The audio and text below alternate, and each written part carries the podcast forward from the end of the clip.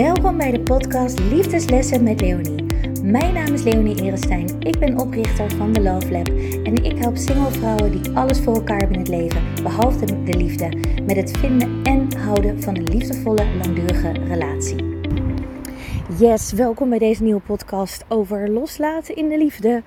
Zo'n onderwerp waarvan ik uh, heel veel vragen om me heen hoor en uh, ja, waar heel veel mensen op dit moment tegenaan lopen.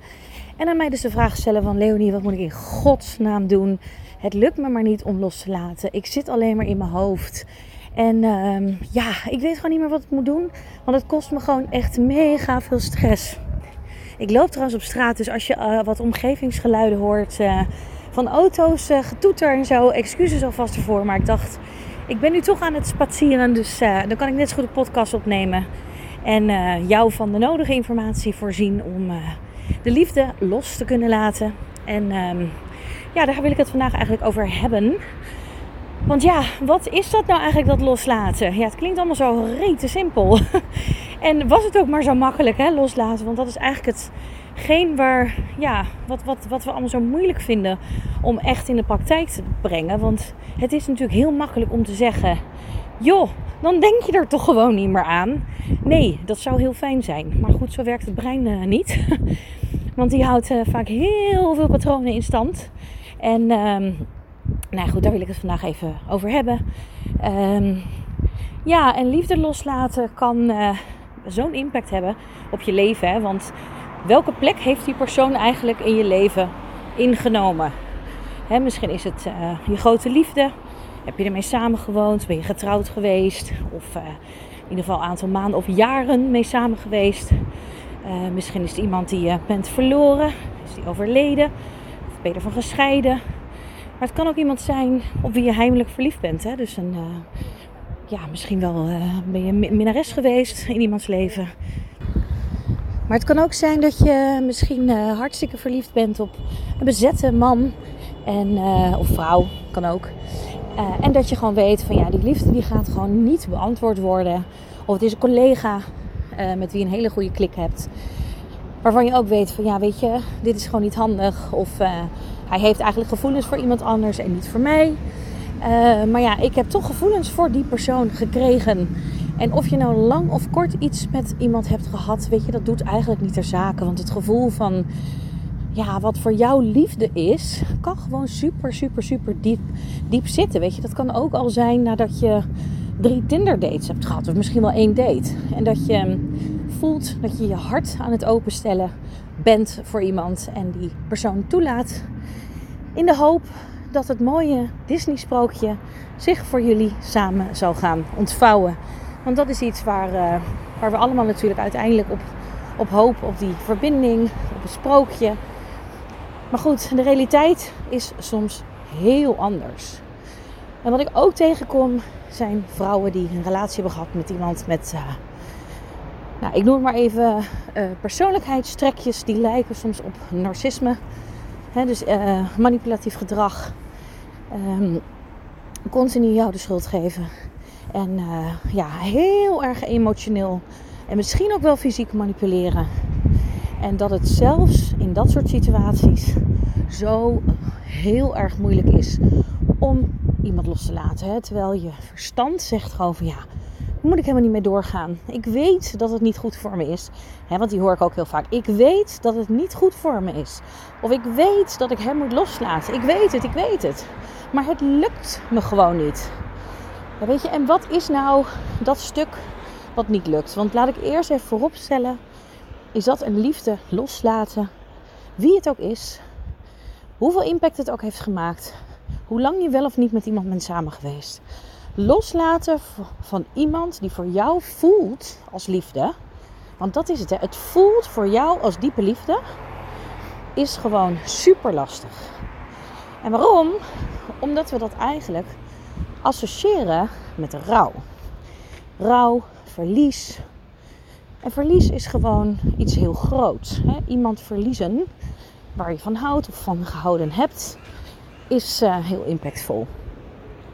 En op het moment als je dus in het rouwproces als het ware komt, ga je door verschillende fasen heen. Hè? Dus op het moment als iets stopt, Of je raakt iemand kwijt. Of iemand verdwijnt uit je leven, in welke vorm dan ook.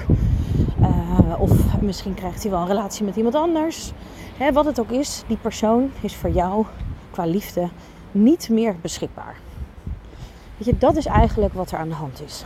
Hij of zij is niet meer voor jou beschikbaar. Er is geen kans dat hij of zij terugkomt in je leven. En als het al zo zou zijn, dan zou dat voor jou absoluut geen gezonde of veilige situatie opleveren. Want de liefde werkte niet. Dus op dit moment is dat gewoon niet scenario wat realistisch is. Dus dat betekent dat je afscheid moet nemen van iets wat er ooit was. Van iets wat ooit gelijk stond voor jou aan liefde. In welke vorm dan ook. En daar begint hij. Want dat loslaten, dat is eigenlijk het begin van het hele proces. Begint natuurlijk met heel erg veel verdriet. want iets doet gewoon hartstikke veel pijn. Het gaat niet meer worden zoals het was. Je gaat niet dat sprookje ehm, ja, verder, verder doorzetten. Of misschien realiseren of naar je toe trekken. Weet je, dat sprookje wat je voor ogen had, waar je zo in gelooft. Of waar je, wat je misschien diep van binnen hoopte. Of waar je gelukkige momenten in hebt beleefd. Dat stopt. En dat is kei en kei en keihard. Dus het eerste proces, eerste fase waar je doorheen gaat, is gewoon pijn. Is verdriet. En er komen tranen. En je kunt zelfs de pijn voelen diep van binnen in je hart. Ik uh, heb het ook wel eens gevoeld. Het echt kan voelen alsof je lichaam van binnen uit elkaar scheurt. Je gewoon echt fysieke pijn kunt voelen. Ja, en dat is een verschrikkelijk gevoel. En de primaire reactie is om die pijn te willen verzachten. Want die pijn die willen we helemaal niet voelen. En daar willen we eigenlijk een beetje voor weglopen. En wat we dan soms doen, is eigenlijk in die eerste fase van het loslaten, is teruggaan naar een stukje hoop. Teruggaan naar dat sprankje hoop, wat misschien ergens linksom of rechtsom nog aanwezig is. Om dus daar aan vast te klampen. Dus als iemand nog in leven is, laat ik dat dan even vooropstellen dat we toch even contact willen zoeken. Dat we toch even op zijn social media gaan kijken. Kijken of hij nog online is geweest. Om ergens een stukje bevestiging te gaan willen vinden in het kan toch niet waar zijn. Het kan toch niet waar zijn dat dit gewoon nu stopt. Ik wil ergens nog een beetje hoop uitputten. Misschien komt het toch nog een beetje goed. En dit is een hele gevaarlijke. En waarom ik het benoem is omdat ik dit heel veel omheen zie gebeuren. Dus op het moment dat we in de diepe pijn zitten, wat natuurlijk een, laat ik voorstellen, een kutgevoel is. Weet je, het, het is verschrikkelijk om je zo te voelen. Daar willen we ook van weglopen, maar ga er doorheen. Ga in dat rouwproces zitten. Laat de tranen en het verdriet komen zoals ze uit je lijf willen komen. En ga schrijven. Ga in deze fase alsjeblieft een boekje kopen en schrijf al je gevoelens op, wat je voelt. En hoe, hoe je van de situatie baalt, hoe je jezelf slachtoffer voelt, hoe je verdrietig bent, hoe je misschien wel denkt dat het nooit meer in je leven goed gaat komen. En dat dit de enige persoon is bij wie je ooit liefde hebt gevoeld en dat er nooit iemand zal zijn die dit zal evenaren. Weet je, alle gedachten die je erover hebt, schrijf ze op. Weet je, het helpt zo erg om dit stuk voor jezelf inzichtelijk te maken. Van hey, welke pijn voel ik nu? Waar voel ik het ook in mijn lijf? En laat die tranen gewoon stromen. Zo hard en zo veel en zo vaak als ze willen. Want voor je verwerking is het mega belangrijk om deze fase van pijn echt succesvol te gaan doorlopen. Om het maar even zo te zeggen. En die fase van pijn, die wordt soms afgewisseld met ongeloof. Oftewel ontkenning. Weet je, en dat is een beetje de rationele stem die ook nog tegen ons gaat zitten te praten. die het eigenlijk niet kan beseffen dat het nooit meer goed gaat komen. Of dat die liefde echt niet voor jou kiest. En dus je wordt af en toe heen en weer geslingerd tussen dat verdriet en het feit dat je dus eigenlijk slachtoffer voelt en dat het pijn doet. En dan komt dat stemmetje. Ja, maar het kan toch niet zo zijn dat het nooit meer goed komt tussen ons? Het kan toch niet zo zijn dat wij geen toekomst gaan hebben samen? Het kan toch niet zo zijn dat hij nu voor een ander kiest? En weet je, de gedachten die je hebt, die zijn logisch. Maar het zijn niet hele helpende gedachten. Want op het moment dat je voelt dat die gedachten dus voorbij komen, en het gaat misschien een beetje in, uh, in golven, en je gaat daar aandacht aan geven, dan ga je eigenlijk weg van het stukje acceptatie. Dus je mag wel natuurlijk boos zijn. Je mag echt wel balen van godver, weet je. Ik, ik had gewild dat het anders was. En die emotie mag je zeker ook doorvoelen. Weet je, en, en ga ook in die emotie, bij wijze van spreken, uh, ja, er even in zitten. Dus als je heel boos bent van, godver, waarom lukt het me niet? En uh, waarom is het, is het nou niet, kan ik nou niet verder met hem gaan? Weet je, gooi een bord op de grond. ja, je hoeft niet je hele servieskast uh, leeg te gooien of kapot te maken. Dat bedoel ik niet. Maar weet je, zorg ook even dat die emotie uit je lichaam kan. Dat je even je boosheid kunt tonen door, weet ik veel, in een kussen te gaan stompen. Of weet je, geef er fysiek even wat uiting aan. Het liefst niet op uh, je beste vriendin of op een ander mens. Dat is niet de bedoeling. Maar geef even ruimte als je boosheid voelt. Dus je hebt die pijn heb je, heb je gevoeld. Het verdriet, daar ben je in gaan zitten. En je voelt ook boosheid. Weet je, en laat die boosheid toe. Maar ga het niet projecteren, dat is echt een verboden middel. Ga het niet projecteren op iemand anders of op je inmiddels ex-partner. Weet je, op het moment dat je voelt dat je boos bent, dan ga jij zorgen dat je het gaat uiten op een manier zodat jij het gevoel kwijt bent. Maar je mag het niet bij je ex neerleggen. Waarom niet? Omdat je dan vanuit emotie gaat reageren. En dan gaan er allemaal appjes uh, die kant op. En um, ja, dat is uh, over het algemeen zeer destructief. En um, het is de bedoeling dat jij zelf door je emotionele cirkel gaat. En dus niet iemand anders hierbij betrekt. En zeker niet je ex-partner. Dus dit is eigenlijk de manier om om te gaan met dat stukje boosheid. Oké. Nou, en wat ik net al aangaf, hè, heel vaak komt dan de waarom-vraag um, bovendrijven. Waarom gaat het weer mis? Waarom kiest hij niet voor mij? Waarom lukt het me niet? en al deze gedachten. Nou, dit zijn dus saboterende gedachten. Die jouw hele proces van loslaten keihard tegenhouden. En wat je ermee kunt doen, als je voelt dat die opkomen, schrijf ze op. Maar je gaat er geen antwoord op krijgen. Dus op het moment dat je ze hebt opgeschreven, dan kijk je ernaar en je gooit ze gewoon weg. Je mikt ze gewoon in de vuilnisbak, steekt ze in de fik. Weet ik veel wat, je gaat erop stampen met je naaldhakken. Mij maakt het niet uit. Maar ze gaan weg. Want je gaat geen antwoord krijgen op de waarom-vraag. En die waarom-vraag, die helpt jou uh, de afgrond in. Want die waarom-vraag zorgt ervoor dat je dus van, van je verdrietsmodus, van je verwerkingsmodus in je hoofd gaat. En als jij in je hoofd gaat, ja, dan gaat het echt mis. Want dan ga je het proces verstoren. Want loslaten is gewoon een emotioneel proces. dat, dat moet je gewoon gaan doorvoelen. Ja, is een irritant woord, maar je moet het wel gaan doorvoelen. En sommige dingen mag je dus opschrijven, maar de waarom-vraag die gaat direct in de klikobak. En daarna kom je eigenlijk in de fase acceptatie. Ja, en dit is een van de moeilijke fasen ook van het loslaten. Want accepteren betekent dus letterlijk acceptatie. dus je gaat om met de situatie, je accepteert de situatie zoals die is.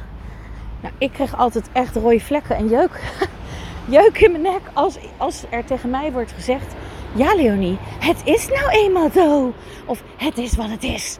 Nou, echt waar. De eerste baksteen die ik zou vinden, die zou ik gewoon liefst willen gooien. Ik vond dat zo'n irritante uitspraak. Maar, kijk, het is wel. Het is wat het is. Nee, acceptatie weet je wel, waarom het zo in mijn allergie zat. En inmiddels heb ik natuurlijk geleerd hoe ik daarmee om moet gaan. En dat je situaties heel goed kunt accepteren. Is omdat het een soort definitief iets is. Weet je, acceptatie betekent gewoon: oké, hoe klote de situatie ook is, I have to deal with it. Kijk, en dat is natuurlijk ook uiteindelijk wat we moeten doen. We moeten ermee dealen. Weet je, er, er is geen weg terug. En, en, en stilstand is achteruitgang. En je krijgt niet meer terug wat er was. Dat is, dat is klaar. Dat ligt achter je. Dus er is alleen maar één manier om vooruit te gaan. En dat is accepteren van hoe het nu wel is.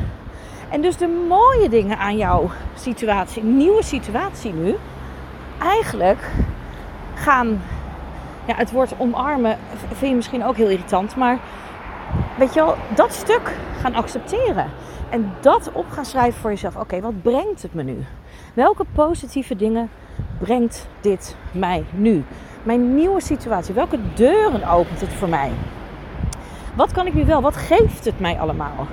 Weet je, dat is dus met een andere blik, met een andere mindset naar je eigen situatie gaan kijken. En dat is helpend. dus de waarom gedachten, die kunnen de klikobak in. Maar de wat brengt het me nu gedachten, die zijn helpend. Weet je, daar mag je je dus op gaan richten. En dan kun je langzaam maar zeker weer een beetje het licht gaan zien aan het einde van die o zo donkere takkentunnel. En dan begint het allemaal weer een beetje te landen en een beetje rust te geven. Weet je, en dat is ook het punt waarop je langzaam maar zeker weer verder kunt gaan. Want weet je, als je in de verwachtingmodus gaat stappen, weet je, je gaat dus je situatie niet accepteren. Je, bent, je, je blijft heen en weer gaan tussen de boosheid en het verdriet. En elke keer wissel je af en daarna komt de waarom-vraag weer terug. Dan kom je dus niet in het acceptatiestuk. En als je niet in het acceptatiestuk gaat komen, kun je dus niet loslaten. En blijf je jezelf, uh, ja, ik wil bijna zeggen martelen. Want zo kan je het eigenlijk wel zeggen. Je blijft jezelf martelen. Omdat je dus uh, niet naar de acceptatie gaat. Weet je, het, het is een soort uh, open wond. En dan is die bijna dicht. En dan komt er even, even, weet ik veel, een of ander ding. Rats! En hij schiet weer open. En je gaat weer helemaal vol door de pijn.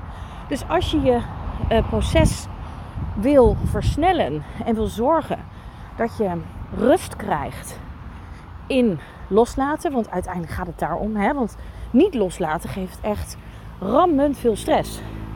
Weet je, um, dan krijg je echt onrust van, stress van, frustratie, je energie, een energielek. Je hoofd maakt 40 miljoen overuren, uh, spanningen, paniek, slecht slapen, nou, eh, weet ik veel. Misschien ga je wel vluchtgedrag vertonen. Ga je heel veel drinken. Ga je heel veel uit. Ga je heel veel met, met mannen naar bed. Ga je heel veel in de lampen hangen. Weet ik wat. Weet je, dat zijn mogelijke gevolgen. Als je dus niet goed kunt gaan loslaten. Ja, weet je, moet je nagaan wat voor fysieke. Sorry, ik loop heel erg hard. Sorry, ik zit een beetje te rennen. Uh, moet je nagaan wat voor fysieke effecten dat ook op je kan hebben. En mentaal. Dus met andere woorden, het heeft gewoon een giga impact op je leven. Dus moet je er zo snel mogelijk, nou niet zo snel mogelijk, ja, je moet er zo snel mogelijk vanaf, maar wel door elke fase met al je aandacht te gaan doorlopen. dus het is niet van oké, ik ga even één avond huilen en dan uh, ga ik daarna even, ga ik even boos zijn. En daarna dag drie is acceptatie, weet je? Nee. Het heeft gewoon een beetje meer tijd nodig. Gun jezelf die tijd daarin en ga echt even diep naar je gevoel, diep naar je verdriet. Schrijf het allemaal op en laat alleen je helpende gedachten toe. En flikker alles wat je saboteert in de klikobak. Want dat is hetgeen om echt succesvol uh, te kunnen gaan loslaten.